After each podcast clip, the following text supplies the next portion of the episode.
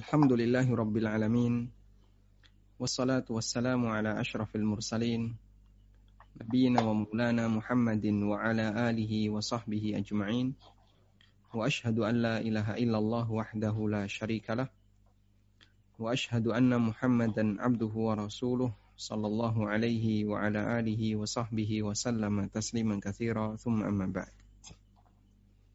Alhamdulillah kembali kita melanjutkan pelajaran kita membahas buku fikih muyassar di bab tentang masalah salat.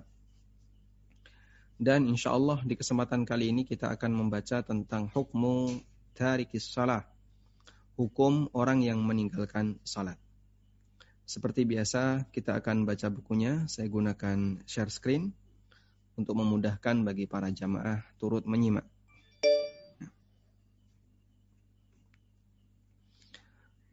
Al-Masalatu Tasi'ah Pembahasan yang ke-9 Tentang hukum orang yang meninggalkan salat. Penulis mengatakan Man tarakas salata jahidan liwujubiha Fahuwa kafirun murtad. Orang yang meninggalkan salat Karena dia tidak mengakui kewajibannya. Jahidan liwujubiha Tidak mengakui kewajiban salat maka statusnya adalah orang kafir murtad. Dan seperti ini banyak kita jumpai di kalangan sebagian kaum muslimin. Mereka meyakini bahwa sholat itu tidak wajib. Yang wajib itu ibadah. Sehingga yang penting sudah ibadah, maka orang sudah menunaikan kewajibannya. Dan bentuk ibadah itu bermacam-macam. Tidak harus sholat. Karena itu mereka melakukan ibadah dengan ritual-ritual tertentu dan bukan dengan cara sholat. Orang yang punya keyakinan seperti ini kafirun murtad. Maka dia orang kafir keluar dari Islam. Li'annahu mukadzibun lillahi wa rasulihi sallallahu alaihi wasallam wa ijma'il muslimin. Karena mereka telah mendustakan Allah, Rasulnya, dan ijma' kaum muslimin di mana Allah telah mewajibkan bagi kita untuk melakukan salat. Nah, dan jamaah dimakan Allah Subhanahu wa taala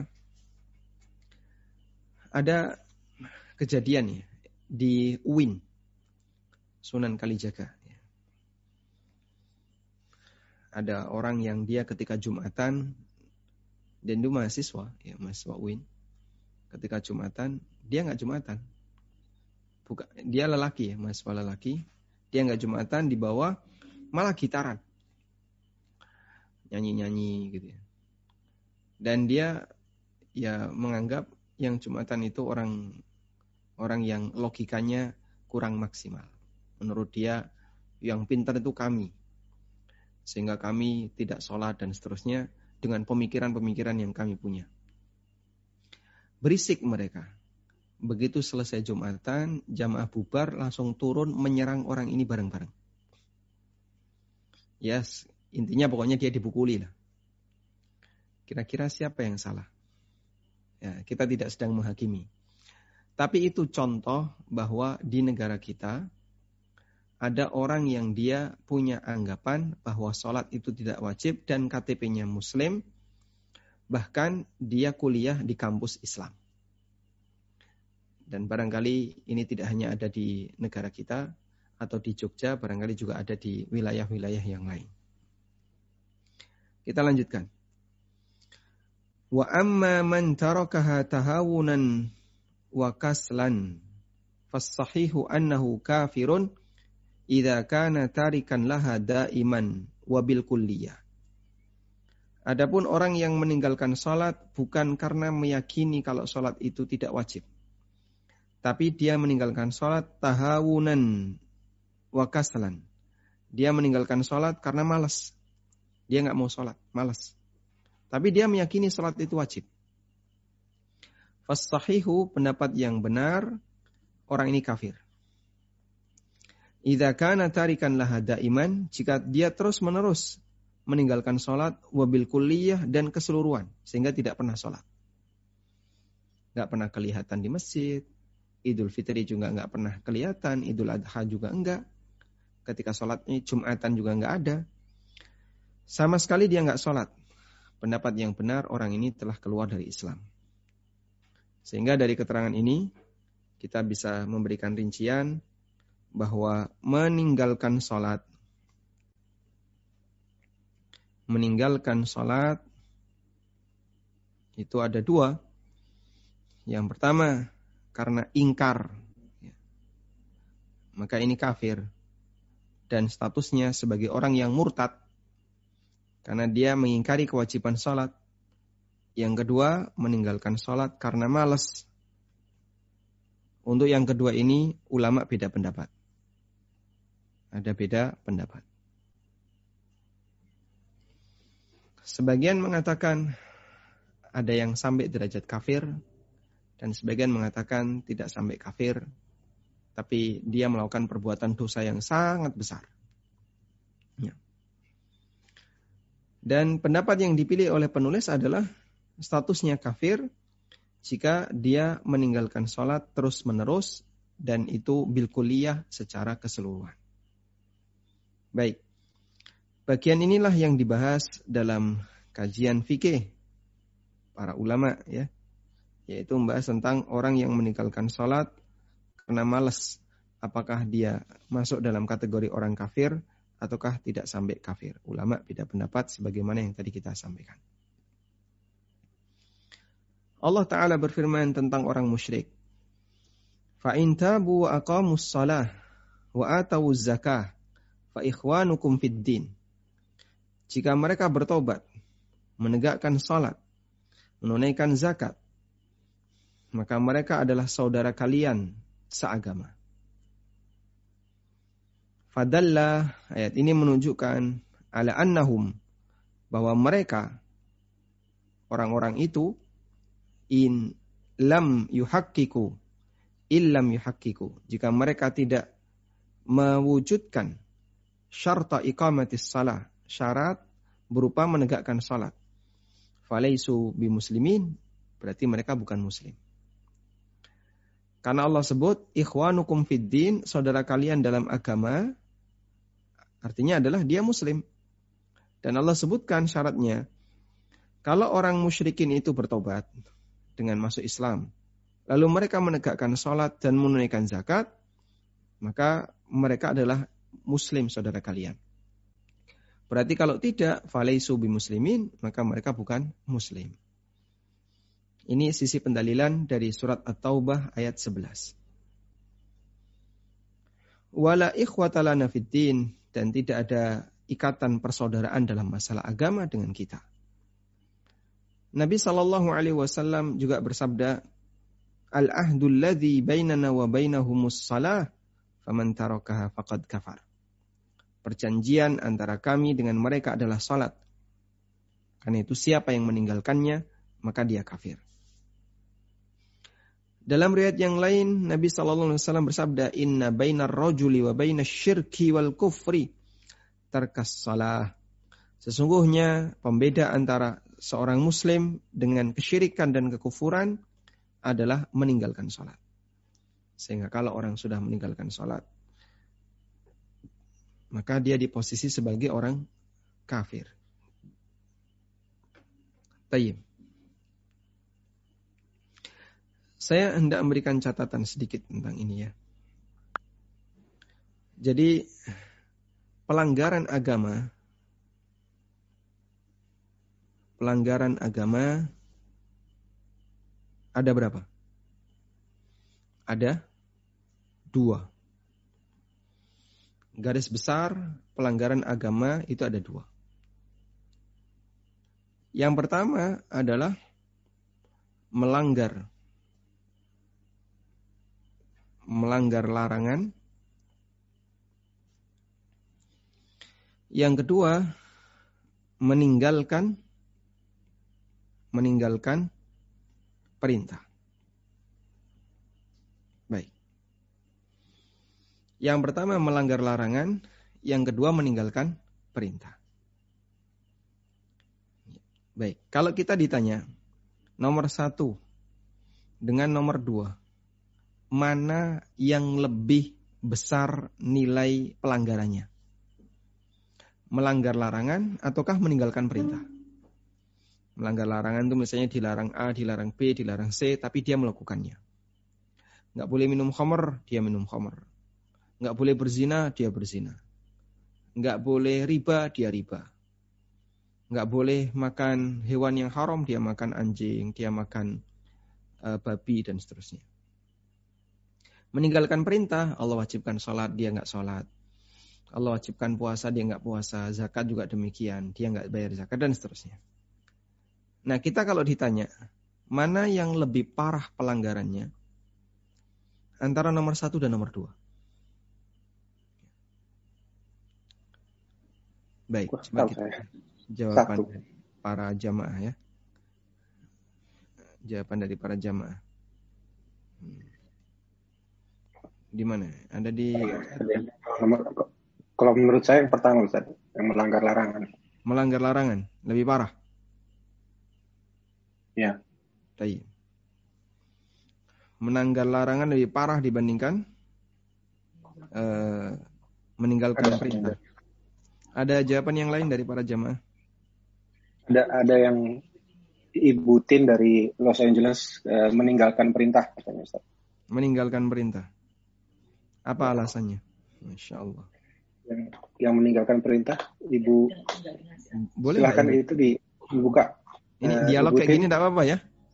Jadi boleh boleh Ustaz. Kayak offline aja sebenarnya. Ibu Tin silahkan di unmute. Nah, silahkan. Bismillahirrahmanirrahim. Uh, saya cuma punya contoh kalau ada orang tidak pernah melaksanakan perintah. Oh, kalau ada orang berbuat dosa, misalnya kamu melaksanakan maksiat, oh enggak, saya melaksanakan maksiat, tapi kamu nggak sholat, itu dosanya lebih besar daripada orang yang eh dosanya lebih ringan dibanding orang yang meninggalkan perintah juga tetapi juga melaksanakan maksiat. Karena meninggalkan perintah itu menurut saya kayak udah mengignore Allah sama sekali gitu Pak Ustaz. Mama, apa tidak meninggalkan maksiat apa ya kelihatannya dosanya lebih besar meninggalkan perintah yang jelas Pak Ustaz. Baik. Berarti standarnya perasaan ya. Hmm. Tayyip. Ada yang lain? Wah. Kayak gini boleh nggak? Nggak apa-apa ya? Sekali-sekali. Boleh, boleh Ustaz. Yang yang yang yang ada pendapat lain silahkan angkat tangan. E, nanti kita ambil. Silahkan. Boleh coba. Ini ada satu yang angkat tangan Ibu Irma. Silahkan. Assalamualaikum warahmatullahi wabarakatuh. Waalaikumsalam warahmatullahi wabarakatuh. Kalau saya, pendapat saya yang melanggar perintah, seperti contohnya sholat, uh, itu contoh paling paling jelas ya, karena dalam dalam surat apa dalam hadis yang uh, Ustaz katakan juga jelas bahwa kalau melanggar perintah sholat adalah salah satu perintah agama dan juga puasa di bulan Ramadan. Dan jadi kalau seorang muslim tidak tidak melaksanakan perintah Allah berarti dia sudah tidak uh, apa tidak uh, mengakui Allah sebagai uh, Tuhan Tuhannya karena dia tidak lagi uh, atau uh, mengabaikan apa yang diperintahkan oleh uh, Tuhannya seperti juga kalau pimpinan kalau kita melanggar apa yang diperintahkan pimpinan bisa jadi kita dipecat oleh pimpinan dalam suatu pekerjaan. Baik. Baik, saya coba jawab ya. Jadi mana yang lebih besar sisi pelanggarannya antara meninggalkan larangan oh meninggalkan melanggar larangan dengan meninggalkan perintah. Pada waktu saya kuliah di Mediu, Madinah International University, ada salah satu syekh yang tanya seperti ini. Uh, dan saya coba jawab. Jadi meninggalkan perintah lebih parah dibandingkan melanggar larangan. Maka kalau dibuat perbandingan, nomor dua lebih parah pelanggarannya dibandingkan yang pertama. Dengan beberapa alasan. Satu, Allah Subhanahu wa taala menerima taubat Adam. Dan Allah taala tidak memberi kesempatan bagi iblis untuk taubat. Padahal dua makhluk ini sama-sama melakukan pelanggaran. Namun bentuknya beda. Pelanggarannya iblis itu meninggalkan perintah. Suruh sujud tidak mau dia. Sedangkan pelanggaran Adam, sedangkan pelanggaran Adam itu melanggar larangan. Nggak boleh mendekati pohon X, pohon yang ada di yang telah, telah ditentukan oleh Allah, tapi dia mendekatinya. Ya. Sehingga dilihat dari sisi kualitas dosa, kualitas dosanya iblis lebih gede dibandingkan dosanya Adam. Sehingga Allah Subhanahu wa taala berkenan untuk menerima tobatnya Adam. Sementara Allah Subhanahu wa taala tidak memberi kesempatan bagi iblis untuk bertobat. Yang kedua, umumnya orang yang meninggalkan perintah latar belakangnya adalah karena sombong. Sehingga kenapa kamu nggak mau melakukan ini? Dia nggak nurut. Mungkin tadi disebut uh, dia ignore dengan Rob Azza wa Jal. Dia tidak mempedulikan Tuhannya. Dan secara umum seperti itu. Sehingga dia nggak mau nurut, dia nggak mau mendengarkan, dia nggak mau taat. Sementara melanggar larangan itu umumnya karena hawa nafsu. Saya butuh itu. Kamu kenapa melakukan riba? Waduh, kalau kayak saya nggak riba nanti gimana ya? Saya butuh. Alasan yang disampaikan oleh mereka yang bertahan dalam perbuatan maksiat rata-rata adalah karena karena butuh. Bukan karena melawan, tapi karena butuh.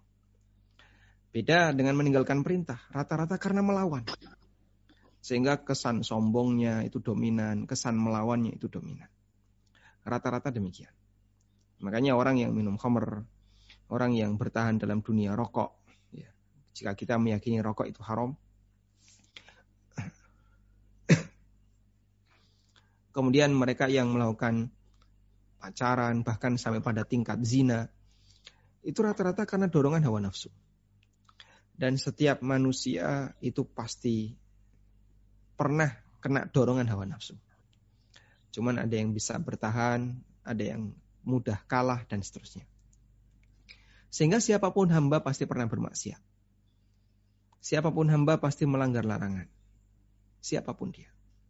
Karena kita punya hawa nafsu. Dan Allah Subhanahu wa taala nyatakan dalam Al-Qur'an, "Fa'alhamaha fujuraha wa taqwaha." Aku ilhamkan dalam diri manusia ada sifat fajir, ada sifat takwa. Sehingga kita punya hawa nafsu di saat yang sama kita juga punya nurani. Yang kadang berperang uh, perang konflik batin sehingga kemudian mana yang lebih kita bela itulah yang menang. Karena itu disebabkan karena dorongan hawa nafsu, dia melakukannya mungkin karena dia merasa butuh, bukan karena dorongan sombong, tapi karena seperti itu. Beda dengan meninggalkan perintah, meninggalkan perintah rata-rata karena sombong, karena melawan. Itu kurang lebih alasan Kenapa melanggar larangan lebih ringan dibandingkan meninggalkan perintah? Baik. Karena itu begini ya. Perintah yang terbesar dalam agama ini adalah perintah tauhid. Perintah untuk tauhid. Sehingga orang yang tidak mau mentauhidkan Allah disebut oleh Allah sebagai pelaku kezaliman besar.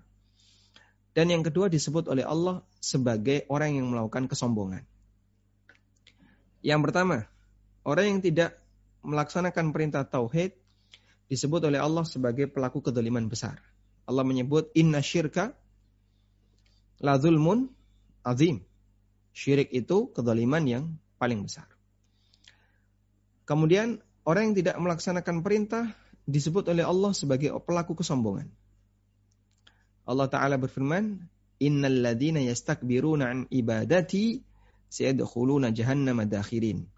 Sesungguhnya orang yang bersikap sombong enggan untuk beribadah kepadaku. Innal ladzina yastakbiruna an ibadati. Orang yang bersikap sombong tidak mau beribadah kepadaku. Sehingga Allah sebut orang yang tidak mau beribadah kepada Allah sebagai makhluk yang sombong. Sayadkhuluna jahannam dakhirin. Dia akan masuk ke dalam jahannam dalam kondisi terhina. Dalam kondisi terhina. Nah, ini ada di nanti mungkin bisa dicatat ya. Allah berfirman, "Innal ladzina an ibadati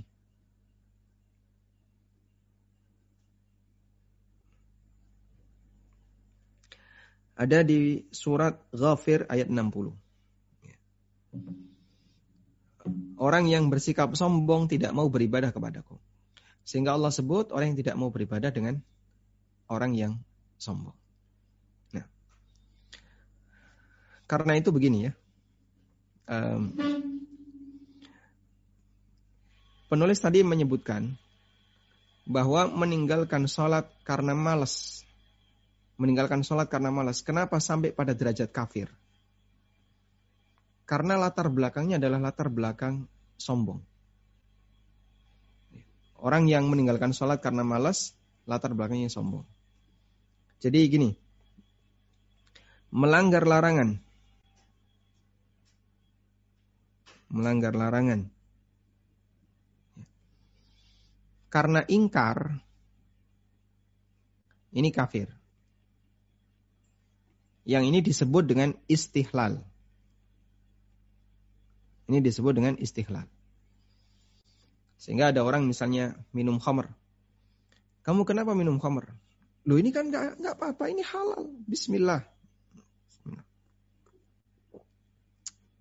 Alhamdulillah. Lalu dia minum khamr dengan keyakinan ini halal. Kafir dia. Kenapa? Karena dia telah melakukan istihlal. Mengingkari haramnya khamr dan menghalalkan khamr. Keluar dari Islam. Baik. Melanggar larangan, yakin kali itu haram. Karena hawa nafsu. Karena nafsu. Dengan yakin ya, bahwa itu haram. Tapi tetap dia lakukan. Maka ini maksiat. Tidak sampai derajat kafir. Sudah? Coba bandingkan dengan yang kedua ya. Meninggalkan perintah. Meninggalkan perintah. Karena ingkar. Saya nggak mengakui kewajiban sholat. Sholat itu nggak wajib kok. Mau sholat silahkan, nggak sholat juga silahkan. Terserah saya. Ini kafir. Karena berarti dia telah mengingkari perintah Allah. Yang kedua, meninggalkan perintah sholat. Karena nafsu. Nafsu itu berarti karena malas. Dengan yakin, dia meyakini sholat wajib. Di posisi ini, jumhur ulama mengatakan kafir. Sehingga dia tetap berstatus sebagai kafir.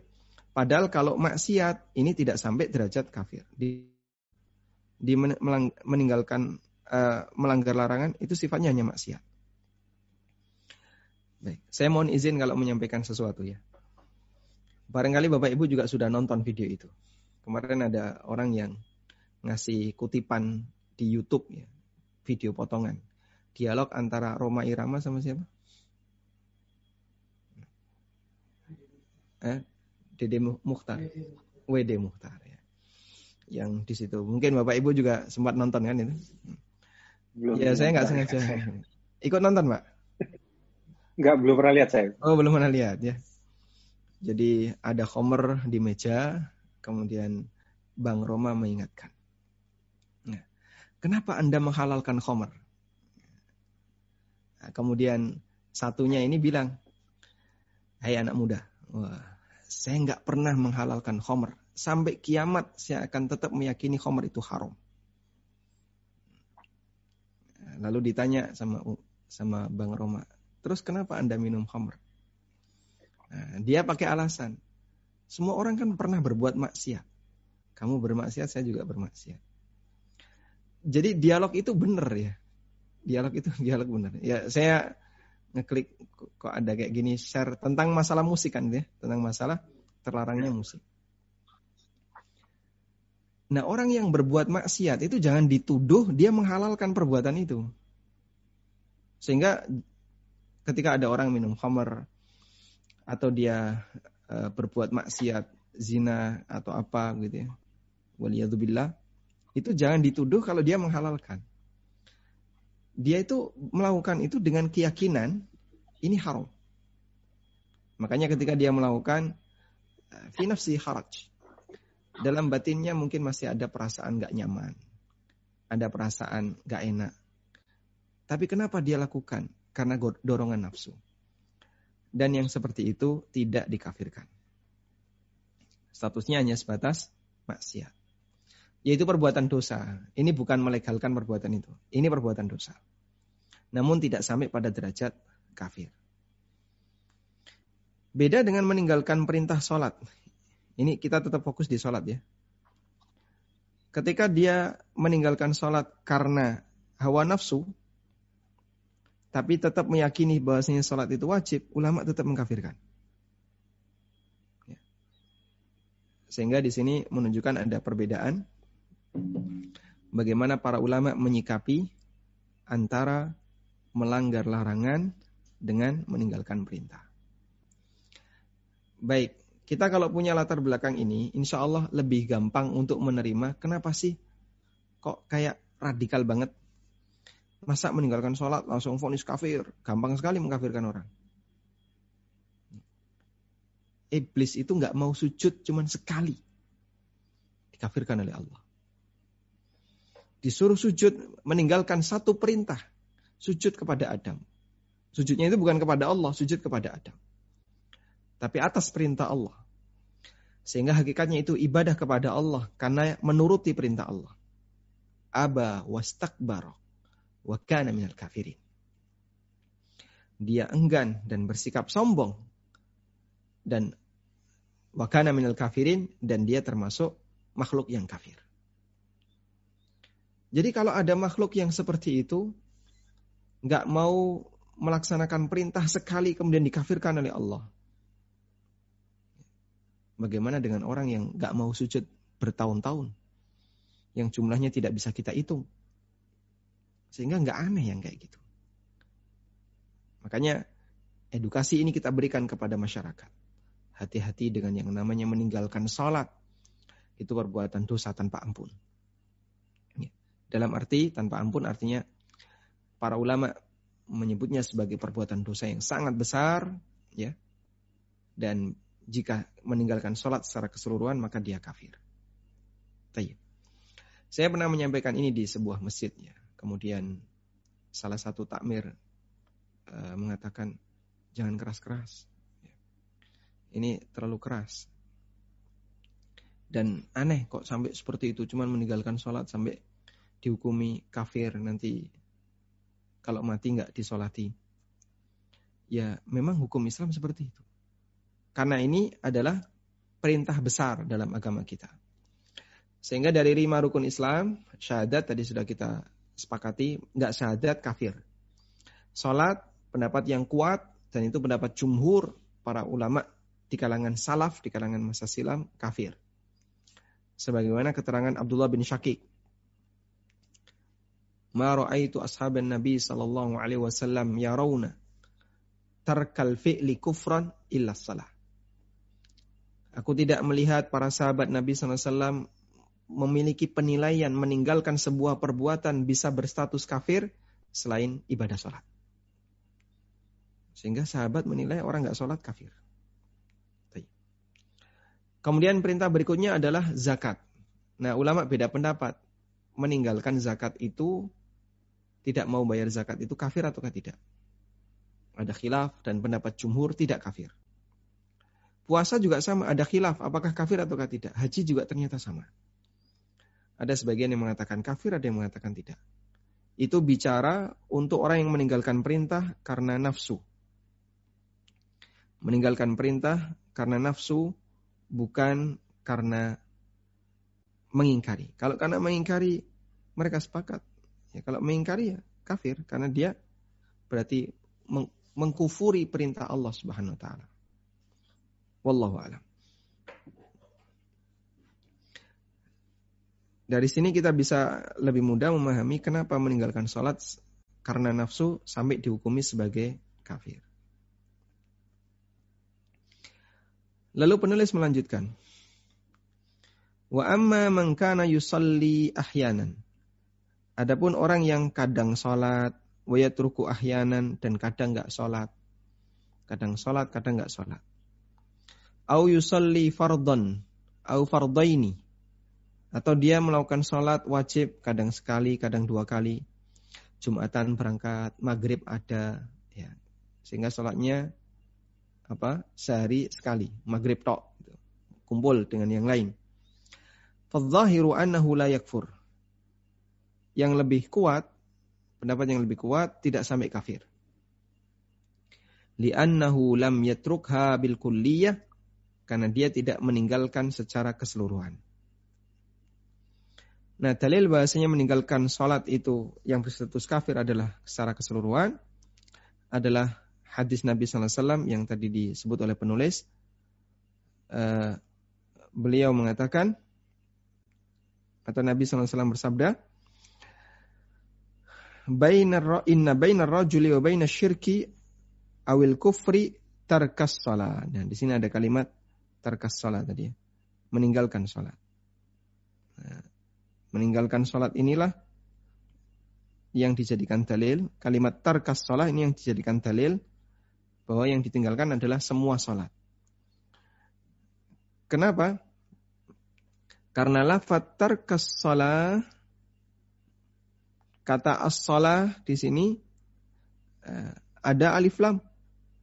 Ya. Ada alif lam dan alif lam di sini alif lam yufidul umum.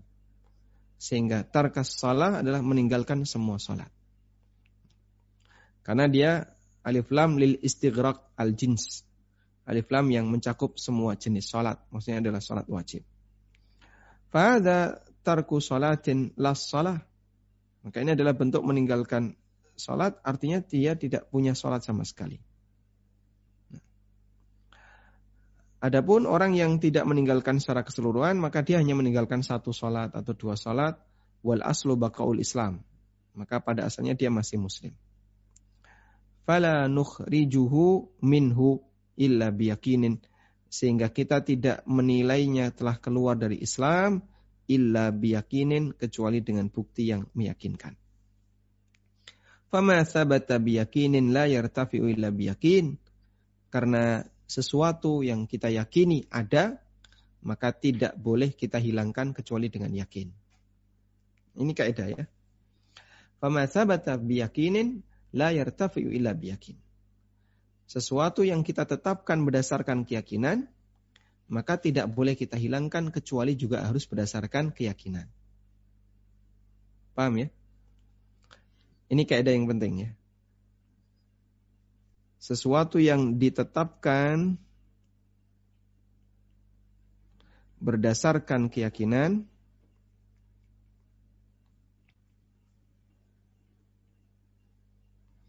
maka tidak boleh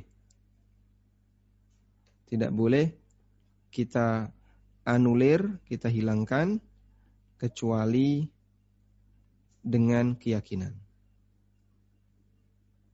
Baik. Kaidah ini masa bata biyakinin la yartafi ila biyakinin bisa dipakai untuk menjawab banyak kasus dalam masalah fikih. Contohnya apa, Pak? Contoh. Si A muslim. Kamu yakin nggak si A muslim? Oh, yakin dia tong tangga tetangga saya sejak kecil dia itu bersama saya dan kita dulu sama-sama ngaji bareng muslim dia. Lalu si A berangkat ke luar negeri. Ya.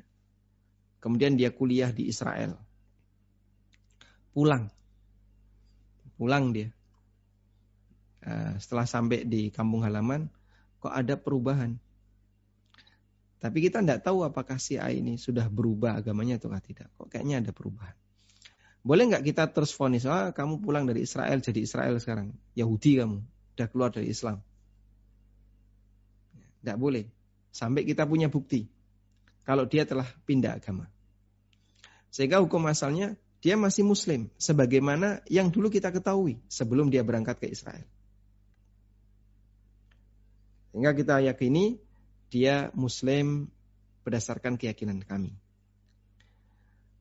La yartafi'u illa biyakin kecuali kalau ada bukti yang kuat yang menunjukkan kalau dia itu keluar dari Islam. Nah, kita menemukan. Oh, dia sudah nggak pernah sholat. Terus ibadahnya di rumah membuat apa sinagog. Lalu dia ngibadah dengan memuji-muji Uzair. Uzair diyakini oleh Yahudi sebagai anak Tuhan.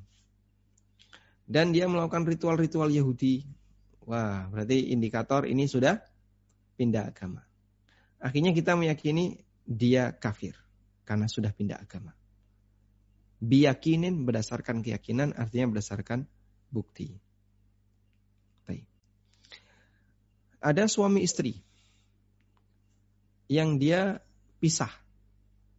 Dalam kurun waktu yang lama ya, suami misalnya kerja di Malaysia, istrinya di Indonesia. Suaminya nggak pulang-pulang bertahun-tahun.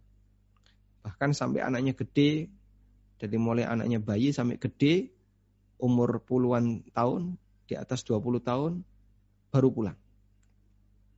Sudah?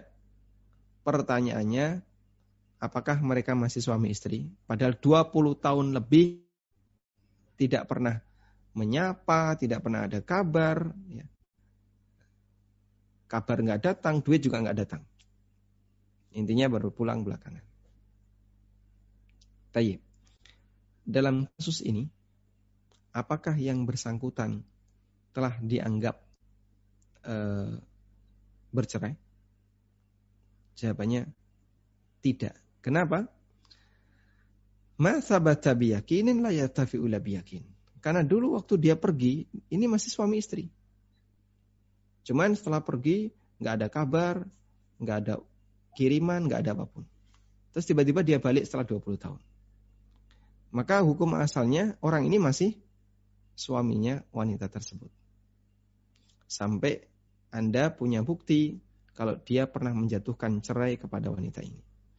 Masa bata biyakinin la yartafi illa biyakin. Walhamdulillahirabbil alamin. Kita cukup melebar di sini ya. Sehingga uh, pembahasan tentang masalah meninggalkan sholat sambil kita menggali banyak hal yang disampaikan oleh penulis. Wallahu alam. Baik, sampai di sini ada yang mau disampaikan? Alhamdulillah. Eh, belum ada sih Ustaz. Kalau misalnya mau dilanjutkan, ini ada beberapa pertanyaan. Tapi kalau misalnya masih ada materi lagi, kita lanjutkan dulu mungkin Ustaz sampai selesai, baru kita masuk ke sesi tanya jawab. Baik. Uh, kalau materi berikutnya sudah beda tema. Panjang, ya? Panjang, beda tema. Oh, beda tema, oke. Okay. Baik, baik, coba, ini saya tambahkan sedikit ya. ya. Tentang madhahibul ulama, pendapat para ulama mengenai hukum orang yang meninggalkan sholat. Baik, coba kita lihat.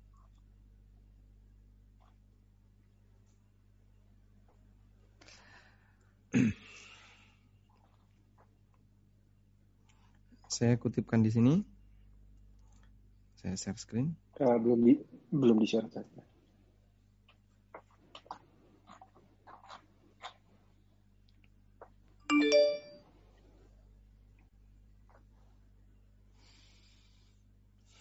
Tentang uh, hukum orang yang meninggalkan sholat, di sini dinyatakan Fahadil mas'alah min masail khilafil qadim bainal ulama.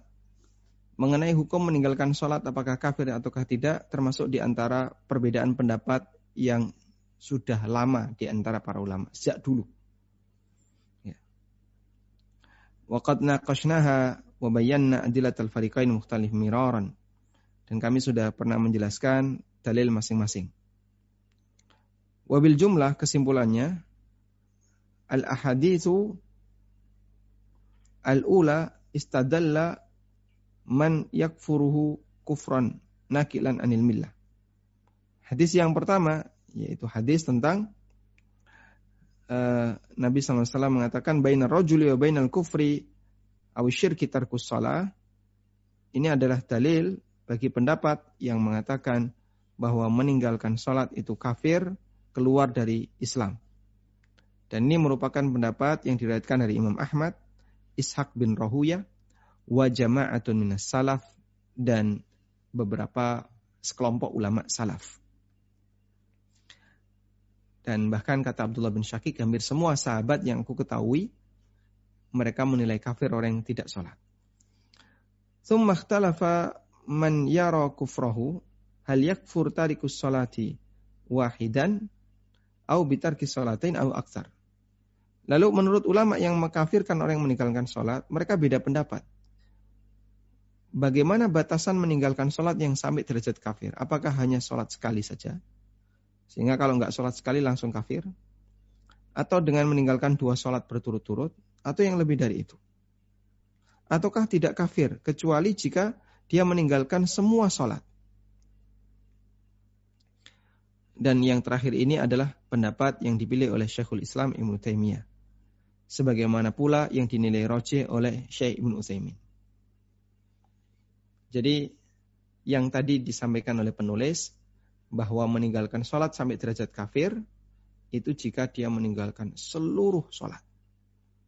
Dan itu pendapat Ibnu Taimiyah dan Ibnu Utsaimin.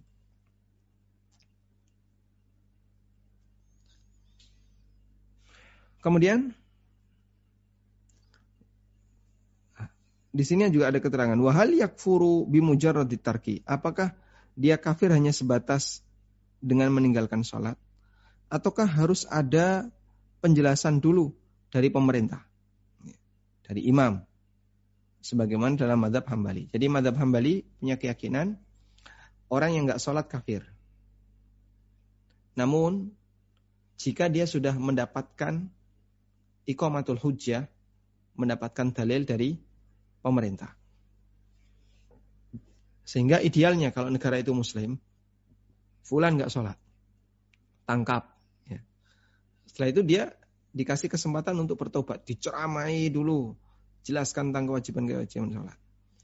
Sampai selama sekian hari kok nggak ada perubahan, maka baru dihukumi sebagai orang kafir. Nah. Dan itu menurut madhab hambali. Amal jumhur, sedangkan jumhur ulama belakangan, mereka menilai bahwasanya meninggalkan sholat tidak sampai keluar dari Islam, tapi dosa yang sangat besar. Dan menurut mereka hadis-hadis yang menunjukkan tentang meninggalkan sholat itu hamalu hadil ahadis ala taglid. Mereka memahami itu hanya ancaman keras. Ya. Hanya ancaman keras dan pelaku yang meninggalkan sholat tidak sampai keluar dari Islam. Ya. Intinya wallahu alam bahwa dalam masalah ini ada khilaf di antara ulama. Pendapat yang masyhur adalah dari Imam Ahmad bahwa meninggalkan sholat hukumnya sampai pada derajat keluar dari Islam. Wallahu a'lam. Ya. Walhamdulillahirabbil alamin. Nah. Alhamdulillahirabbil alamin. Masya Allah. Ini uh, kajiannya walaupun singkat tapi uh, menarik sekali ya sampai uh, sudah ada beberapa pertanyaan yang masuk. Saya ingatkan kembali teman-teman kalau ada pertanyaan silahkan di uh, dan nanti kita ambil kesempatan terdahulukan yang sesuai dengan topik dahulu. Nanti belakangan jika masih ada waktu dan Ustadz berkenan kita sampaikan pertanyaan yang di luar topik. Baik, uh, ini pertanyaan pertama Ustadz dari jamaah yang uh, sungkan untuk uh, bertanya langsung.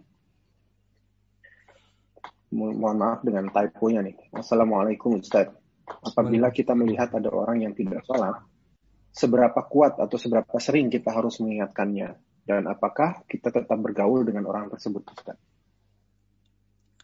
Waalaikumsalam warahmatullah. Baik. Kita berbicara tentang masalah dakwah. Seberapa sering kita harus berdakwah? Nabi Nuh alaihi salatu wasalam menceritakan tentang pengalaman dakwahnya. Wa inni da'autuhum jihara. Wa inni da'autuhum lailan wa nahara. Ada di surat Nuh.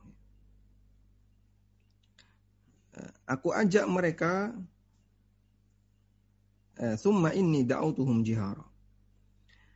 Thumma inni a'lantu lahum wa asrartu lahum israra. Aku ajak mereka dengan terang-terangan. Kemudian aku sampaikan secara terang-terangan, kadang aku sampaikan secara rahasia. Kemudian di ayat yang lain Allah juga berfirman, Nuh mengatakan, Qala Rabbi inni da'autu qaumi lailan wa nahara. Wahai Rabbku, aku mengajak kaumku siang dan malam. Sehingga Nuh ketika malam hari juga berdakwah. Berdakwah dengan ngajak orang. Bagaimana cara dakwah di malam hari, wallahu alam. Intinya ketika kita melihat ada orang yang melakukan pelanggaran, ya sering-sering aja disinggung. Dan mungkin bisa melalui grup. Ya. Anda kasih apa misalnya video atau tulisan, tulisi ya. Bahaya meninggalkan sholat. Anda share di grup itu. Insya Allah tidak masalah.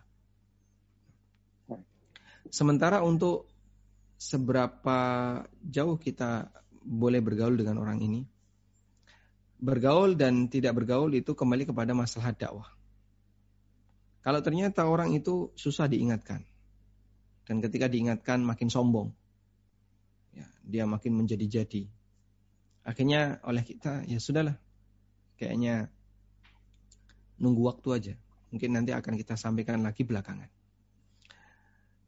Dan Anda merasa bahwa ini akan berat kalau diakrapi. Akhirnya kita putuskan, saya sudah nggak mau berkawan dengan kamu. Kita menghindar. Jadi menghindar ataukah mendekat itu kembali kepada mana yang lebih maslahat. Kalau ada peluang dia kayaknya punya peluang untuk diajak tobat, maka silahkan dekati terus. Tapi kalau nggak ada peluang untuk itu, silahkan dijauhi. Wallahu a'lam. Uh, Baik, saya lanjutkan ke pertanyaan berikutnya. Apa Ustadz sebelum saya lanjutkan, ada dua pertanyaan yang di luar topik, tapi kelihatannya urgensinya cukup cukup tinggi, jadi nanti mohon saya waktu untuk menanyakan yang dua yang di luar topik Ustadz, sebelum kita tutup. Silakan, Baik. Ini pertanyaan berikutnya sesuai topik. Assalamualaikum warahmatullahi wabarakatuh, Ustadz. Saya mau bertanya, jika saya musafir, bolehkah saya menjamak salat Jumat dengan salat asyar jamaah takdim. Mohon penjelasannya. Syukran jazakallah khair. Waalaikumsalam warahmatullahi wabarakatuh. Boleh, bisa nggak orang itu menjamak antara Jumatan dengan asar, jamak takhir? Bisa nggak? Hmm? Kalau jamak takdim bisa ya. Kalau jamak takhir, berarti Jumatannya ditunda waktu asar. Nggak bisa. Tayyib. Sekarang kalau jamak takhir, jamak takdim bisa nggak? Jadi setelah Jumatan nyambung dengan sholat asar. Ulama beda pendapat dalam masalah ini. Dan pendapat yang kuat hukumnya boleh. Dengan tetap kita menghargai pendapat yang mengatakan tidak boleh. Dan insya Allah yang lebih kuat adalah boleh. Sehingga begitu selesai Jumatan, terus orang nyambung sholat asar dalam rangka untuk jamak, hukumnya diperbolehkan. Wallahu a'lam. Eh, lanjut ke pertanyaan berikutnya. Ustadz, saya seorang pria kecuali sholat Jumat, sholat-sholat lima waktu lainnya dilaksanakan di rumah saja. Apakah saya kafir karena hanya sholat di rumah saja, tidak di masjid? Di rumah pun tidak berjamaah dengan anggota keluarga lain, benar-benar sholat hanya sendiri. Nah. Yang mendapatkan vonis sampai keluar dari Islam adalah yang meninggalkan sholat wajib, bukan meninggalkan jamaah. Anda sholat wajib tapi di rumah. Ya ini hal yang kurang baik, kecuali jika ada uzur. Misalnya uzur karena takut penyebaran penyakit dan seterusnya. Sehingga tidak masalah jika Anda tidak melaksanakan sholat di masjid, tapi Anda sholat di rumah. Namun kalau tidak ada uzur, anggap misalnya dalam kondisi normal, bukan dalam kondisi pandemi. Anda melakukan praktek seperti ini, ya itu kurang bagus. Seharusnya eh, apa? Dalam kondisi normal, lelaki itu sholatnya di masjid, bukan di rumah, apalagi sendirian tidak berjamaah bersama keluarga. Itu kalau kondisinya normal. Nah, kalau kondisi sekarang gimana? COVID sudah berlalu selama setahun. Nah, selanjutnya kita tidak tahu sampai kapan COVID ini akan berlalu. Ya, karena ketika kita tidak tahu seperti itu, kemudian manusia akhirnya atau masyarakat menjadi lebih longgar. Sholat jamaah kembali dibuka, Jumatan, kemudian kegiatan KBM, belajar mengajar juga sudah diizinkan. Maka silakan ikuti alur yang ada silahkan ikuti alur yang ada. Sehingga di posisi ini Anda tidak dianggap sebagai orang yang meninggalkan kewajiban karena takut. Wallahu a'lam. Uh, baik, sebelum ke penanya langsung, uh, ini saya ada pertanyaan lagi sebelum kita masuk. Baik, uh, Assalamualaikum warahmatullahi wabarakatuh. Ustaz, saya mau bertanya, jika ada orang meninggal dunia, ia banyak meninggalkan sholat, Lalu sholat yang tinggal itu dibayar dengan beras. Disebut dengan membayar fidyah sholat. Apakah itu boleh dilakukan? Jika tidak diperbolehkan, bagaimana caranya membayar sholat-sholat yang dia tinggalkan? Mohon penjelasannya Ustaz. Masya Allah. Waalaikumsalam warahmatullahi wabarakatuh. Untuk pertama kalinya saya mendengar seperti ini. Ada istilah fidyah sholat. Nah, nanti ada istilah fidyah apa lagi? Masya Allah. La haula wa la quwata illa billah. Ya percuma saja praktek seperti ini. Karena sholat nggak bisa ditutupi dengan fidyah. Beda dengan puasa, ada aturannya. Yang Allah Subhanahu wa taala berkali-kali menyebutkan fafidiyatun tu'amu miskin. Bayar fidyah untuk diserahkan sebagai makanan bagi orang miskin. Namun kalau sholat, tidak ada fidyah sholat. Sehingga nggak bisa ini kita tebus dengan sedekah. Allah nggak butuh hartanya. Allah butuh dia melakukan ketaatan dengan melaksanakan salat saat dia masih dalam kondisi sehat. Bukan dengan dibayarkan fidyah. Sehingga ini uh, perbuatan yang sia-sia dan bisa saya pada tingkatan uh, apa? perbuatan yang melanggar aturan syariat. Tidak dicontohkan oleh syariat. Fidyah salat, Masya Allah. Wallahu a'lam. Baik, mungkin saya persilakan aja Ibu Tin dari Los Angeles untuk uh, bertanya. Silakan kalau bisa yang sesuai dengan topik misalnya. Assalamualaikum warahmatullahi wabarakatuh. Semoga Pak Ustadz dan keluarga dan semua dalam lindungan Allah Subhanahu wa taala. Uh, pertanyaan ya, di sini disebutkan yang, yang di buku ini meninggalkan sholat yang terus menerus. Ada kasus uh, karena orang seseorang kecewa kepada Allah karena mempunyai anak yang uh, Down syndrome, beliau meninggalkan sholat karena mengakui saya marah kepada Allah karena anak saya cacat dianggapnya. Tapi setelah bertahun-tahun, uh, beliau beliau nggak mengaku melakukan tobat, cuma sekarang sudah nggak marah lagi dan mulai menjalankan sholat. Bagaimana itu Pak Ustadz? Apakah memang harus bertobat dan mengakui atau ke ke temannya mengakui saya bertobat atau bagaimana karena meninggalkan sholatnya bertahun-tahun Pak Ustadz seperti hampir 10 tahunan karena anaknya cacat itu. Masya Allah. Jazakallahu khairan. Nah, Masya Allah. Perbuatan ini bisa sangat berbahaya karena dia marah kepada Allah murka kepada Allah, kemudian dia meninggalkan kewajiban yang Allah perintahkan. Dan orang yang murka kepada Allah itu tidak sebatas uh, amalnya tidak pelanggarannya tidak sebatas meninggalkan sholat saja. Dia punya amal batin yang sangat buruk, yaitu murka kepada penciptanya. Dan Allah Maha tahu batin hambanya. Sehingga perbuatan ini Ya, saya tidak bisa memberikan penilaian apakah sudah sampai jatuh kafir atau tidak. Tapi kita bisa menganggap ini dosa yang sangat besar. Apakah sampai jatuh kafir atau tidak, kita perlu untuk melihat fonis ulama yang mereka lebih bisa menimbang. Namun perbuatan ini adalah perbuatan yang dilandasi karena kesombongan sehingga sehingga dia murka kepada Allah karena merasa Allah tidak adil dengan kehadiran anaknya yang Down syndrome. Dan iblis murka kepada Allah, aba dia enggan, tidak mau. Wastakbaro dan bersikap sombong. Karena ya, dia kalah saing dengan Adam. Sehingga Adam ini pendatang baru, dia diciptakan dari tanah, aku diciptakan dari api, ngapain aku sujud kepada Adam? Makanya ketika Allah tanya kepada iblis, "Ma mana aka antas juda lima khalaqtu biyadai?" Qala khalaqtani min narin wa khalaqtahu min tin.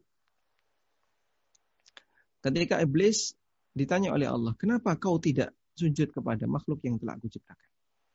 Qala ana khairum minhu. Kata iblis, aku lebih baik daripada dia. Khalaqtani min narin wa khalaqtahu min tin. Kau ciptakan aku dari api, sedangkan kau ciptakan dia dari tanah. Dan api itu di atas tanah. Sehingga lebih tinggi menurut iblis. Ini menurut iblis. Namun Masya Allah, dengan kekufurannya sekali itu, atau dengan bentuk meninggalkan sekali itu, Allah Subhanahu wa Ta'ala jadikan dia Eh, sebagai makhluk yang kafir. Karena itu untuk kasus tadi, eh, jika dia mau bertobat, maka dia harus bertobat. Mohon ampun kepada Allah Ta'ala. Dan tobat itu tidak harus dinyatakan di depan teman. Karena tobat itu urusan dia dengan Allah Subhanahu wa taala. Kecuali kalau kedoliman. Kalau kedoliman harus diselesaikan dengan pihak yang didolimi. Kalau ini tidak ada kedoliman dalam arti tidak ada kezaliman dengan makhluk. Maka hubungan dia murni dengan Allah sehingga dia harus bertobat di hadapan Allah Subhanahu wa taala. Dia harus mohon ampun kepada Allah dan seterusnya. Wallahu a'lam.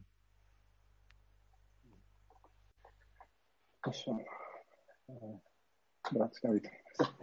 Baik, saya lanjutkan ke pertanyaan selanjutnya. Assalamualaikum Ustaz. Afwan bagaimana menjawab jika seorang muslim yang berkata bahwa Allah tidak membutuhkan sholat kita sehingga dia mudah sekali meninggalkan sholat. Waalaikumsalam warahmatullah. Allah tidak butuh kita dan tidak butuh seluruh amal kita. Karena Allah nyatakan dalam Al-Quran, Wallahu ghaniyun anil alamin. Wallahu ghaniyun anil alamin. Dan Allah subhanahu wa ta'ala nggak butuh seluruh alam ghaniyun 'anil 'alamin. Ada di banyak ayat ini ya. Di surat Ali Imran ayat eh, berapa ini? 10. Innal ladzina kafaru lan tughniya anhum amwaluhum. Ah. Di sini lafaznya mungkin. Ada Ali, Ali Imran ayat 97. Wa man kafara fa inna Allah ghaniyun 'anil alamin. Dan lafaz ghaniyun 'anil alamin ghaniyun itu artinya ghani itu artinya apa? Ghani. Ghaniyun itu lawan dari fakirun. Lawan dari fakirun. Ini orang nerjemahnya kaya. Yang ini fakir, miskin. Baik. Ya. Allah Ta'ala berfirman, Ya ayuan nas, antumul fuqara ilallah, wallahu huwal ghani. Wahai manusia, kalian semua itu fakir di hadapan Allah. Dan Allah dialah zat yang maha ghani. Nah, ghani dengan definisi ini, artinya adalah tidak butuh. Karena itu fakir artinya butuh hajat al-hajah. Nah. Belum, belum share screen Ustaz. Oh iya, nah. belum di share screen.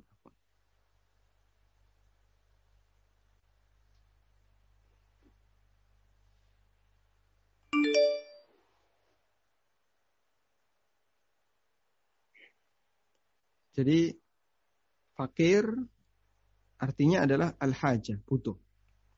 Maka orang yang duitnya banyak tapi masih merasa ingin ngambil uang rakyat, ngambil uang kantor, instansi dan seterusnya, selalu merasa butuh.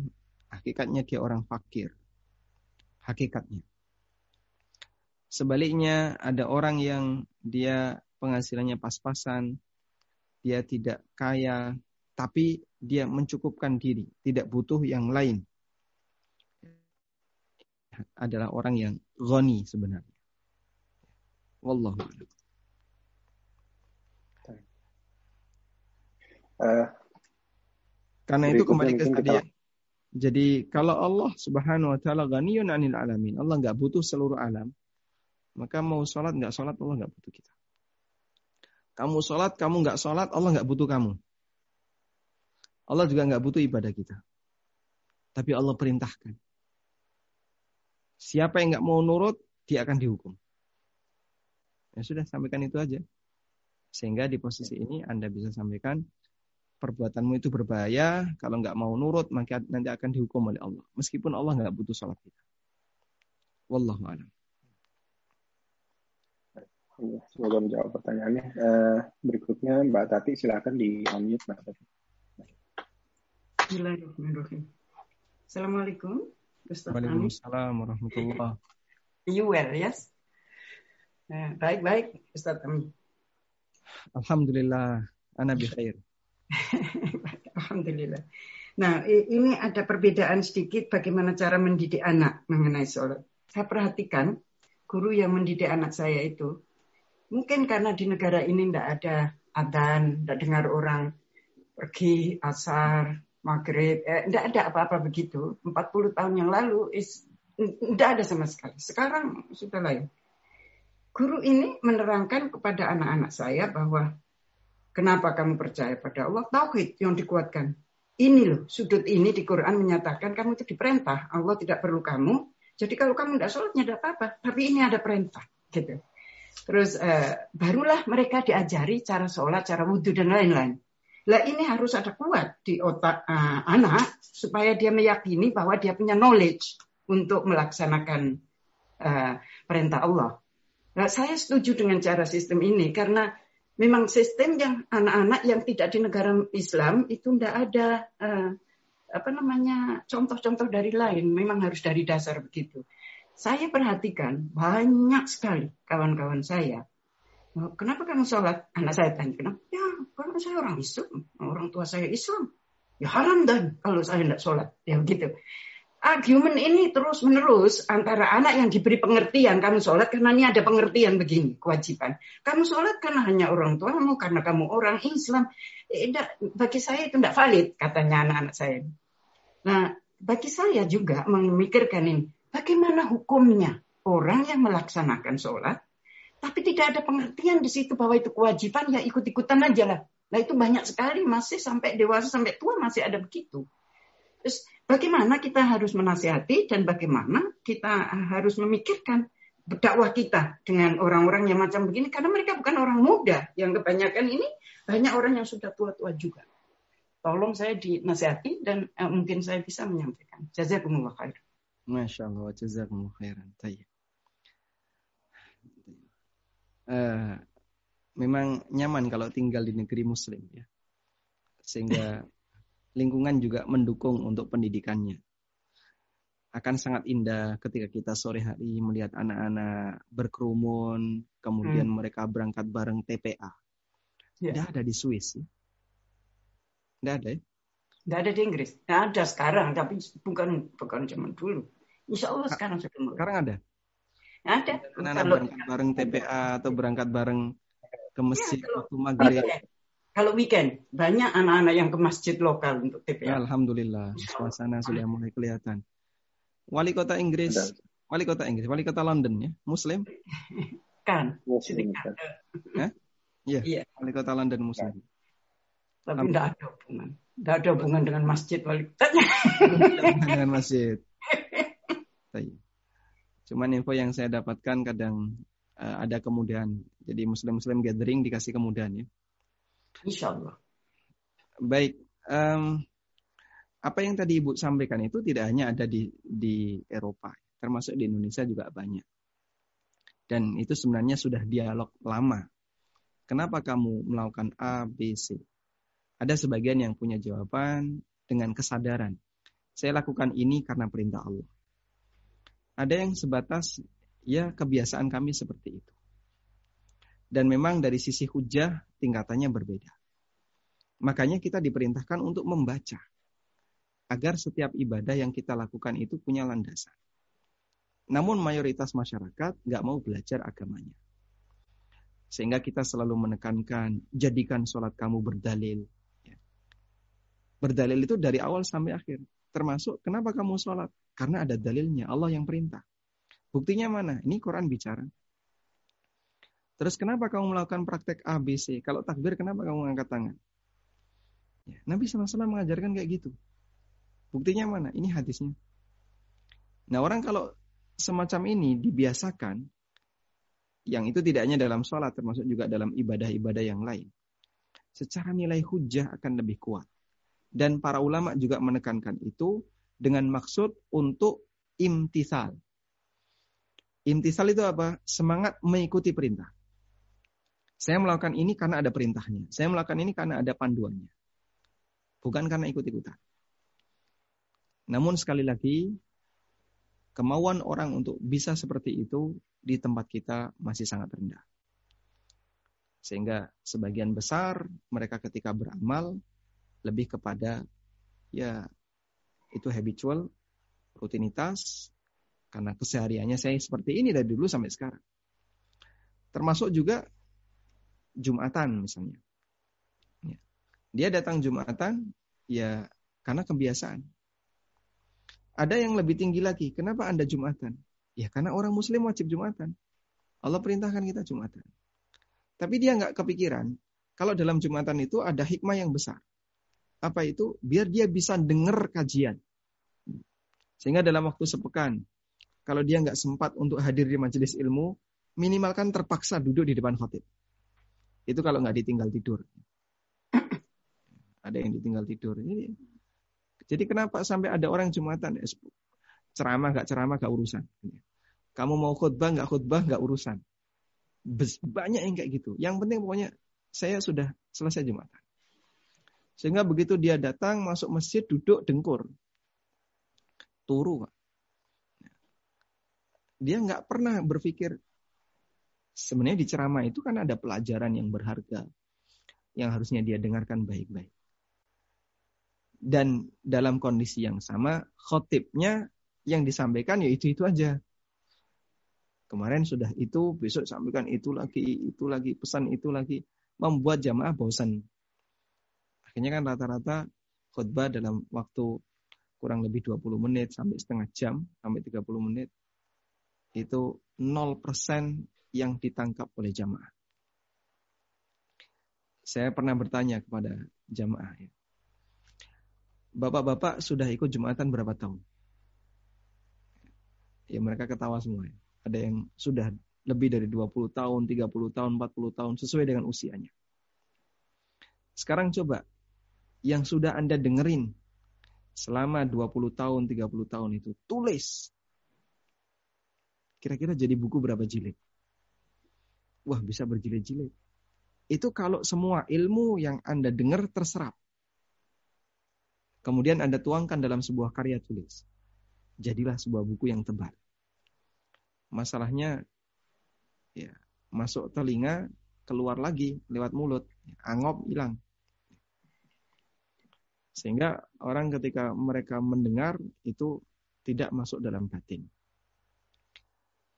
Nah, bentuk yang kurang berkualitas seperti ini ada dalam setiap ibadah yang dilakukan oleh setiap muslim. Tidak hanya ada di Eropa, juga ada di Indonesia dan seterusnya. Makanya kita selalu ditekankan, ayo belajar, belajar dan belajar. Agar setiap amal yang kita lakukan itu berdasar. Alhamdulillah para sajidah hadir dengan uh, menyuguhkan kepada masyarakat. Ini cara sholat yang benar, ini cara wudhu yang benar, dan seterusnya. Di saat yang sama, dai-dai yang sibuk bahas masalah politik, dai yang sibuk bahas masalah apalagi misalnya yang terlalu global, itu juga gencar. Nah, persaingannya kan terus jamaah ada yang kealihkan ke sana. Kajian-kajian yang kayak gini, model-model fikih kayak gini, orang nggak seberapa suka. Makanya eh, penonton ANB sedikit ya.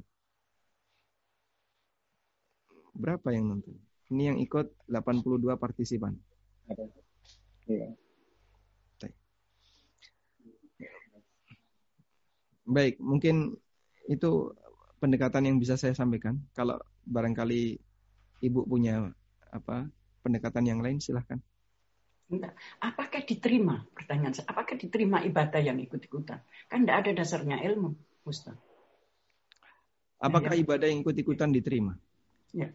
Karena nggak ada dasar ilmu. Hmm. Jawabannya diterima. Karena Allah Subhanahu wa taala perintahkan fas'alu ala dzikri in kuntum la ta'lamun. Kalau kamu nggak tahu, tanya kepada yang tahu. Dan di saat yang sama kalau kamu nggak ngerti, ikuti yang ngerti. Ah. Sehingga sebatas ikut-ikutan selama syarat rukun dan seterusnya terpenuhi, ibadah itu sah. Terlepas dari latar belakang, dia tahu dalilnya atau tidak. Karena ibadah orang awam rata-rata tanpa dalil. Dan dalilnya awam adalah ulamanya. Makanya ada ungkapan yang mengatakan madhabul ami madhabu syaikhihi. Pendapatnya ami, ami itu orang awam ya, adalah pendapatnya gurunya. Sehingga apa yang dikatakan gurunya, dia ikut itu. Nah. Oke. Ini ya. ada Pak Abdurrahman yang resen. Ya. Ya, baik. Pak Abdurrahman silahkan uh, di unmute. Terima kasih. Assalamualaikum warahmatullahi wabarakatuh. Waalaikumsalam warahmatullahi wabarakatuh. Uh, begini Ustaz, jadi uh, kami pribadi cukup kaget gitu ketika melihat potongan-potongan video di YouTube para masyaih mengenai hukum meninggalkan sholat. Karena memang beliau-beliau para masyaih apa mengkafirkan ya bahkan mentakyin mohon maaf kalau saya keliru.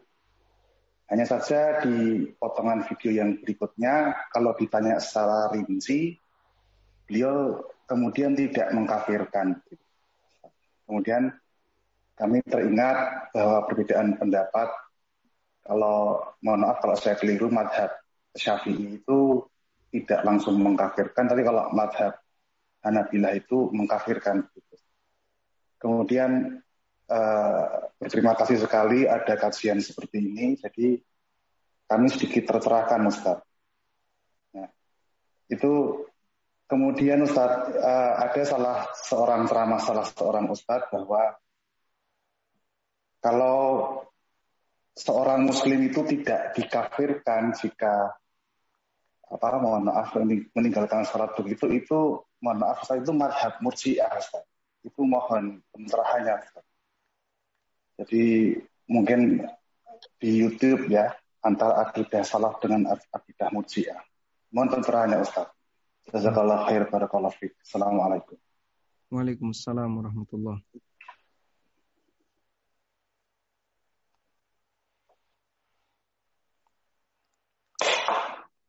Tayyib. Uh, kita akan berbicara tentang bagaimana dalam madhab syafi'iyah orang yang meninggalkan salat padahal dia wajib dia meyakini bahwasanya itu adalah wajib saya kutipkan di sini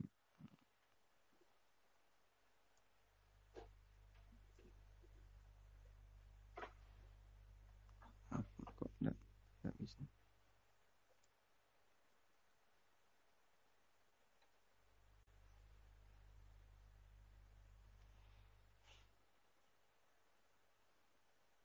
Ini ada keterangan dalam kitab Al-Um.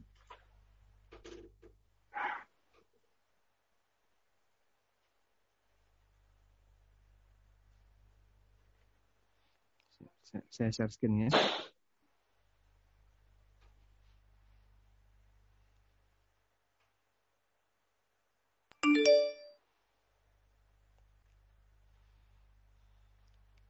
Ada di kitab Al-Um. Al-Um kita sepakati sebagai kitab Imam Ash-Syafi'i setelah beliau pindah meninggalkan Baghdad. Sehingga Al-Um itu representasi dari Kaul Jadid, pendapat barunya Imam Ash-Syafi'i. Kalau uh, sebelum Imam Syafi'i pindah dari Baghdad, beliau berada di Baghdad. Beliau punya kitab Al-Hujjah. Dan itu representasi dari Qaul Qadim, pendapat lama Imam Syafi'i. Akhbarona Ar-Rabi. Ar-Rabi muridnya Imam Syafi'i mengatakan, Qala Syafi'i rahimahullah, Imam Syafi'i mengatakan. Mantarakas salat al-maktubah. Orang yang meninggalkan salat wajib. Mimman dakhala fil Islam. Kila lahu lima la tusalli. Orang yang meninggalkan salat di kalangan kaum muslimin, maka dia ditanya, kenapa dia enggak salat? Fa'in dzakara nisyanan, jika dia mengatakan, oh saya lupa. Kulna maka kita katakan fasalli idza. Sekarang kerjakan salat karena kamu sudah ingat. Wa in dzakara maradon, jika dia beralasan sakit, kulna, maka kita sampaikan fasalli kaifa ataqta qaiman au qaidan au munjian au mumian. Maka kita sampaikan kerjakan sholat semampumu. Mau berdiri, duduk, tidur miring, atau pakai isyarat. Ya, kedip-kedip. Pakai ima isyarat. Fa'in qala ana atiku salah wa ahsanuha lakin la usalli. Jika dia mengatakan, aku bisa sholat dan sholatku sempurna, tapi saya nggak mau sholat. Wa in kanat aliyya fardhan. Meskipun sholat itu wajib bagiku. Kila lahu, maka kita sampaikan untuknya. As-salatu alaika syai'un la ya'maluhu anka. Salat adalah sebuah kewajiban ya. la ya'maluhu angka ghairaka di mana itu tidak bisa digantikan oleh orang lain. Kamu kalau nggak sholat, nggak bisa kamu digantikan orang lain. Beda dengan puasa. Kalau puasa bisa dipuasakan orang lain. Haji bisa dibatalkan. Wala takunu illa bi'amalika. Fa in dan salat hanya bisa dengan amal pribadimu. Jika kamu salat, maka itu diterima wa illa istabnaka. Kalau tidak, kamu tetap nggak mau salat, maka kami akan minta kamu untuk bertobat. Fa intu beta, kalau kamu bertobat, maka diterima dan kamu harus sholat. Jadi terjadi tahapan dialog yang disampaikan oleh Imam Syafi'i dalam Al-Um. Kalau kamu menjumpai orang yang nggak sholat, tanya dulu latar belakangnya. Latar belakangnya ini, ini, ini, ini gitu ya. Sampai yang terakhir, saya bisa sholat, tapi saya malas. Kata Imam Syafi'i, terus nanti yang gantikan sholatmu siapa? Tidak ada. Kamu harus lakukan sendiri. Tapi saya nggak mau. Baik, kalau begitu kamu harus tobat. Kalau kemudian dia bertobat, saya bertobat, kerjakan sholat.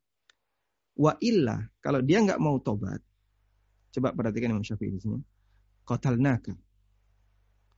Kami memfonis kamu berat untuk dibunuh. Jadi dalam madhab syafi'iyah, dalam kaul qadim, dan ini pernah saya sampaikan di sebuah masjid, takmirnya itu kaget. Masa sekeras itu? Nggak sholat langsung dipateni gitu. Itu pendapat Imam Syafi'i dalam Al-Um. Kalau kamu nggak mau tobat, tetap nggak mau sholat, naka. Kami fonis kamu halal darahnya. Fa inna salata a'zamu minaz zakah. Karena salat itu ibadah yang lebih besar kewajibannya dibandingkan zakat. Wal hujjah fiha ma wasaftu min anna Abu Bakrin.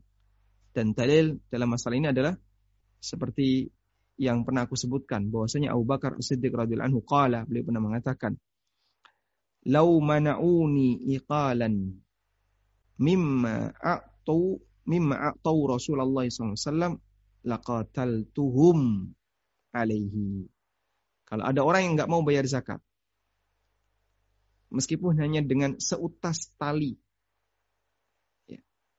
ikal, seutas tali yang dipakai untuk nali kewan. Gitu. Ya. Jadi binatang kan ada apa tali kekangnya. Dia nggak mau menyerahkan zakat berupa seutas tali. Yang dulu ketika Nabi SAW masih hidup, mereka mau serahkan itu. Laqatal tuhum akan aku perangi. Dan kata Syafi'i, beliau jadikan ini sebagai dalil. Kalau nggak zakat saja oleh Abu Bakar dibunuh, diperangi, apalagi nggak sholat. Padahal kewajiban sholat as-salatu a'dhamu min zakat. Kewajiban salat lebih kuat dibandingkan zakat. Baik.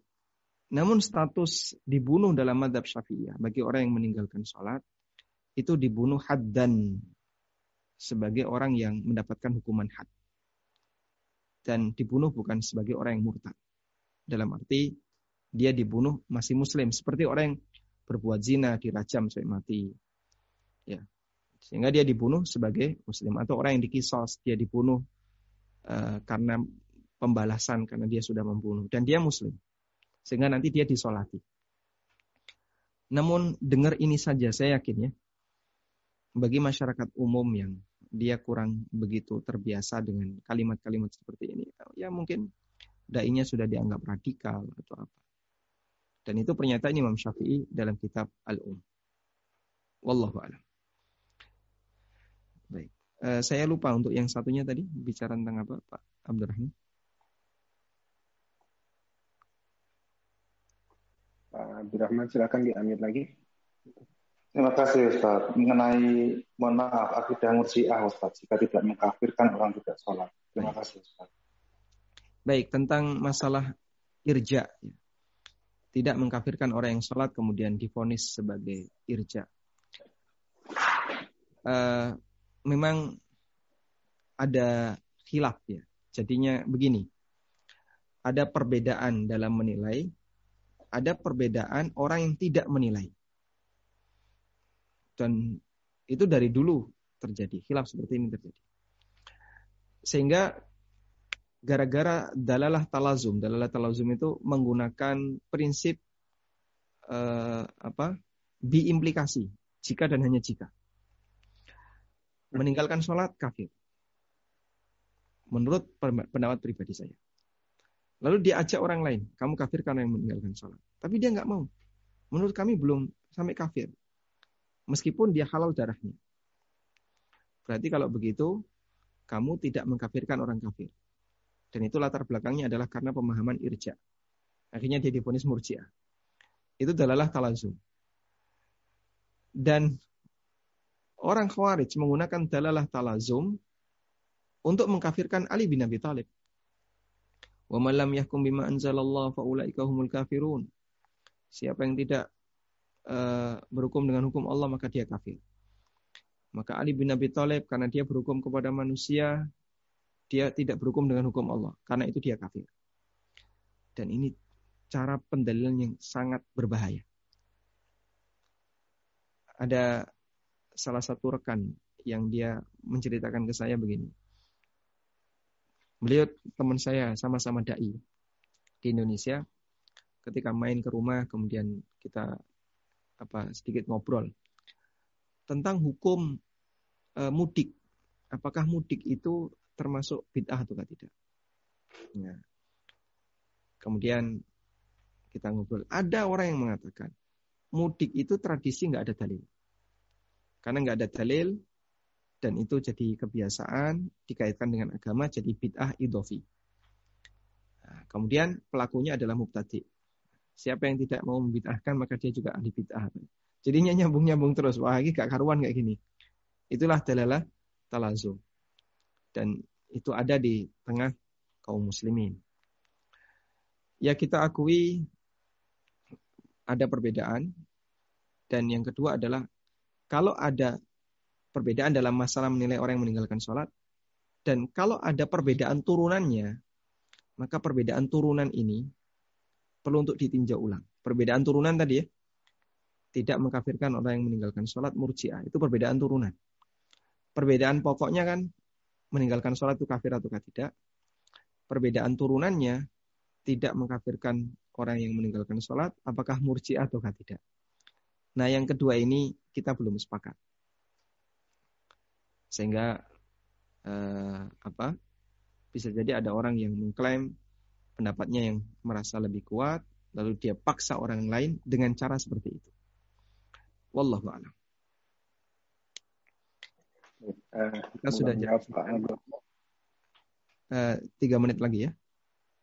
Tiga menit. Uh, Ustadz, saya boleh masuk ke pertanyaan yang di luar topik, Ustadz? Baik, silahkan. Ini ada ada dua pertanyaan, tapi uh, ya Saya apa? Saya share dulu. Ya, Assalamualaikum Ustaz. Ini mungkin singkat saja jawabannya Ustaz. Saya mendapatkan hibah harta dari orang tua yang bekerja di bank, diberikan harta berupa uang tunai, tunai untuk modal usaha. Bagaimana hukumnya untuk saya? Apakah halal? Jika tidak halal, jika saya pinjam saja uang orang tua tersebut, kemudian saya ganti, apakah halal? Waalaikumsalam warahmatullah. Apakah orang tua tahu kalau kerja di bank itu riba? Nah, kita juga perlu telusuri itu. Karena tentang haramnya riba itu manutun bila ilmi. Salah satunya adalah dipengaruhi oleh tingkat pengetahuan pelakunya. Kalau beliau meyakini kerja di sini itu bukan riba, dan bahkan beliau meyakini ini halalan tayyibah. Ada salah satu karyawan bank yang dialog dengan saya dan dia mengatakan, anak saya A ini hafid, yang ini hafal sekian juz, yang ini mondok di sana. Harta saya masya Allah berkah. Dan itu tanda kalau harta saya adalah harta yang mubah halal. Berkah. Dia kerja di bank. Dengan menunjukkan anak-anaknya waktu waktu itu kita ketemu di masjid. Terus main ke rumahnya. Karena rumahnya nggak jauh dari masjid. Dia tunjukkan anak-anaknya. Ini hafid, yang ini kuliah di sini, yang ini ini kuliah di Libya, ada salah satu kuliah di Libya. Yang ini mondok di sini, ini sudah hafal sekian juz harta bapaknya berkah. Padahal dia kerja di bank. Karena dia meyakini pekerjaan itu halal baginya. Menurut dia. Nah saya tidak tahu ya latar belakang orang tua penanya apakah uh, kerja di situ statusnya mubah atau tidak. Jadi mereka sepakat riba itu haram. Cuman mereka belum tahu kalau pekerjaannya itu riba. Sehingga bagi mereka ini tidak riba, ini halal. Kalau ditanya riba haram nggak pak? Riba haram, jelas dosa besar. Tahu mereka. Tapi pekerjaan saya bukan riba. Sehingga jangan difonis menghalalkan riba ya. Mereka tetap meyakini riba haram, tapi menurut mereka ini bukan riba. Wallahu a'lam. Kalau kalau itu boleh ya Ustaz. Jadi menerima hartanya boleh sebagai itu jika di posisi orang tua uh, yakin bahwasanya itu halal, berarti statusnya boleh beliau terima. Tapi anak punya kewajiban untuk menjelaskan. Nah, ketika anak sudah punya kewajiban untuk menjelaskan, di saat yang sama anak utang ke bapak, nah itu bisa jadi blunder. Oh, kamu kamu katanya gaji bapak haram, tapi kok malah utang. Jadi blunder kan? Sehingga dia harus bertahan dulu meyakinkan bapaknya kalau itu haram.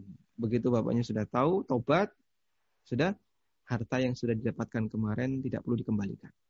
Insya Allah itu harta halal. Baik, uh, ini pertanyaan terakhir. Uh, jawab.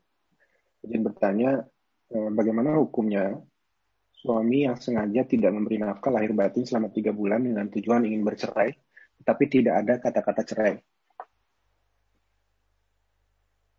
Ya.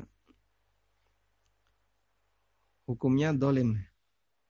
Kalau hukumnya ya. Dolim. Tapi kalau ditanya apakah sudah jatuh cerai atau tidak, tidak jatuh cerai. Sehingga di posisi ini selama tidak ada kata-kata cerai. Karena cerai itu tidak otomatis. Cerai hmm. itu ada seremoni. Sehingga harus ada kalimat yang diutarakan, ada pernyataan, dan tidak secara otomatis. Sehingga sebatas benci itu nggak bisa. Kamu sama kamu sama istrimu gimana? Aku benci banget. Cerai nggak itu? Tidak. Wahai istriku, aku sangat membenci kamu.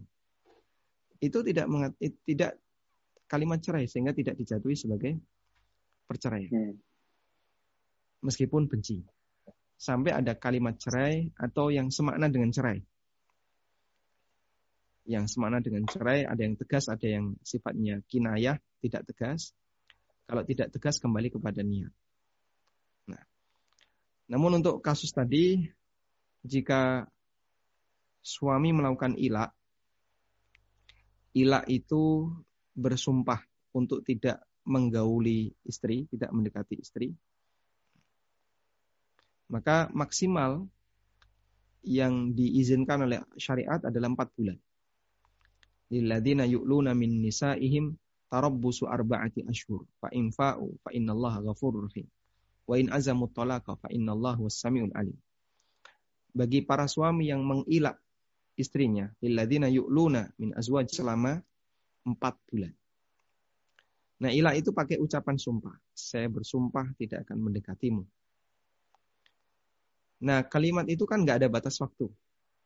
Sampai kapan kamu tidak akan mendekati? Kemarin saya nggak pakai batas waktu syariat ngasih batas waktu maksimal 4 bulan. Agar si wanita ini tidak gantung. Nah, maksimal 4 bulan begitu tet di akhir penghujung 4 bulan. Kamu dikasih pilihan oleh Allah. Pilihan yang pertama, fa'infa'u, kamu kembali. Kembali itu berarti membatalkan sumpah. Sehingga dia gak jadi menceraikan istrinya. Dia balik ke istrinya, batalkan sumpahnya, maka dia bayar kafarah sumpah. Pilihan yang kedua, wa in azamut talak. Tapi kalau kamu mau menceraikan istrimu, ceraikan. Nah, kalau diceraikan, nggak ada kafarah sumpah. Karena dia lanjutkan sumpahnya. Tidak mendekati istrinya sama sekali. Baik. Karena itu di posisi ini, orang yang tadi meninggalkan istrinya selama tiga bulan, tanpa ucapan apa pun, maka uh, wallahu taala alam ini belum termasuk ilah karena dia nggak bersumpah tapi dia harus memberikan kepastian kepada istrinya mau lanjut ataukah pisah.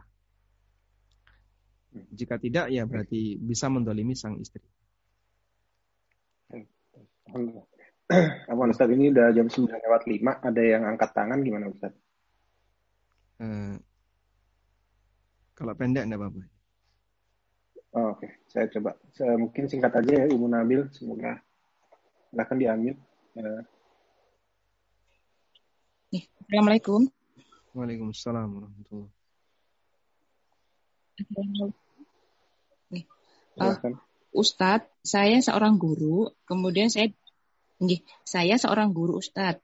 Saya disuruh oleh kepala sekolah saya untuk melakukan hal-hal seperti kayak disuruh main TikTok, kemudian main Facebook atau Instagram agar lebih dekat dengan murid, sedangkan saya nggak mau. Kemudian kepala sekolah saya komentar bahwa sebenarnya kita itu di dunia ini yang penting itu adalah tauhid, yang diajarkan adalah tauhid oleh Rasulullah. Nah, saya harus bagaimana itu Ustaz? Uh, perlu dijawab. Sikap saya bagaimana gitu. Terima kasih. Nah, kalau misalnya eh, perlu dijawab Ustaz, kan uh, kayak berdebat gitu Ustaz. Nah, kalau misalnya dibiarin aja, terus nanti kan hilang sendiri ya, biarin aja. Tapi kalau misalnya perlu dijawab, uh, perlu mempertimbangkan ya sisi uh, sisi manfaat dan mandorot. Ibu diminta main TikTok, main Facebook itu dalam rangka untuk memberikan materi, ataukah sebatas biar bisa nimbrung dengan anak-anak? Untuk ini Ustadz menyelidiki biar dekat sama anak-anak apabila anak-anak asalnya main yang tidak benar jadi kan gurunya tahu kayak gitu. Oh, berarti Tapi kan anda... kan katanya disuruh kalau seandainya main Facebook ya. Jadi sebatas buat disuruh akun. menyelidiki gitu biar gaul gitu nah Ustadz. Oh, mm -mm. buat akun nanti biar bisa Oke, biar dekat murid. Anak-anak. Oke, kalau seandainya guru laki-laki itu disuruhnya membuat gambar apa di foto apa memakai foto perempuan kah kayak gitu nyamar gitu nah Ustaz. Iya. Jika ada tujuan Itu gimana Ustaz kalau yang... seandainya di Jepang Baik. Kalau ada tujuan yang maslahat iya. dan itu sangat diperlukan oleh sekolah, Waalaikumsalam warahmatullahi Insya Allah tidak masalah. Karena mau TikTok, mau Facebook dan yang lainnya, Instagram itu kan sifatnya media ya. Media. Dan beberapa rekaman Imam Masjidil Haram itu pakai aplikasi TikTok. Dan itu sifatnya media. Tapi kalau nggak ada masalah besar, malah nanti kita justru terjerumus pada hal yang tidak diinginkan, ya, ya mohon maaf izin aja dulu. Kami belum bisa atau gimana. Sedangkan alasan kepala sekolah yang penting tauhid. Tauhid itu ada turunannya. Konsekuensi dari orang yang menjalankan tauhid adalah semakin takut dengan Allah Subhanahu wa taala. Jadi kalau ada orang yang ngaku bertauhid tapi dia uh, meremehkan aturan, itu bukti kalau tauhidnya lemah. Justru ketika orang mementingkan tauhid, dia akan lebih berhati-hati terhadap aturan Allah Subhanahu wa taala. Tayyib. Wallahu a'lam wa ala nabiyyina Muhammadin wa ala alihi wa sahbihi wa sallam. Wa akhiru da'wana alhamdulillahi bihamdika asyhadu an la ilaha illa anta astaghfiruka wa atubu ilaik. Warahmatullahi wabarakatuh. Waalaikumsalam warahmatullahi wabarakatuh. Semoga kajian kali ini bermanfaat. Silahkan disimak kembali di channel YouTube Ustadz um, Nurbait, AMB Channel, atau di Paduka underscore UK. Dari kami, pengurus, uh, mohon maaf jika ada kekurangan dan kesalahan. Insya Allah akan kami perbaiki di lain waktu. Barakallahu fikum. Wassalamualaikum warahmatullahi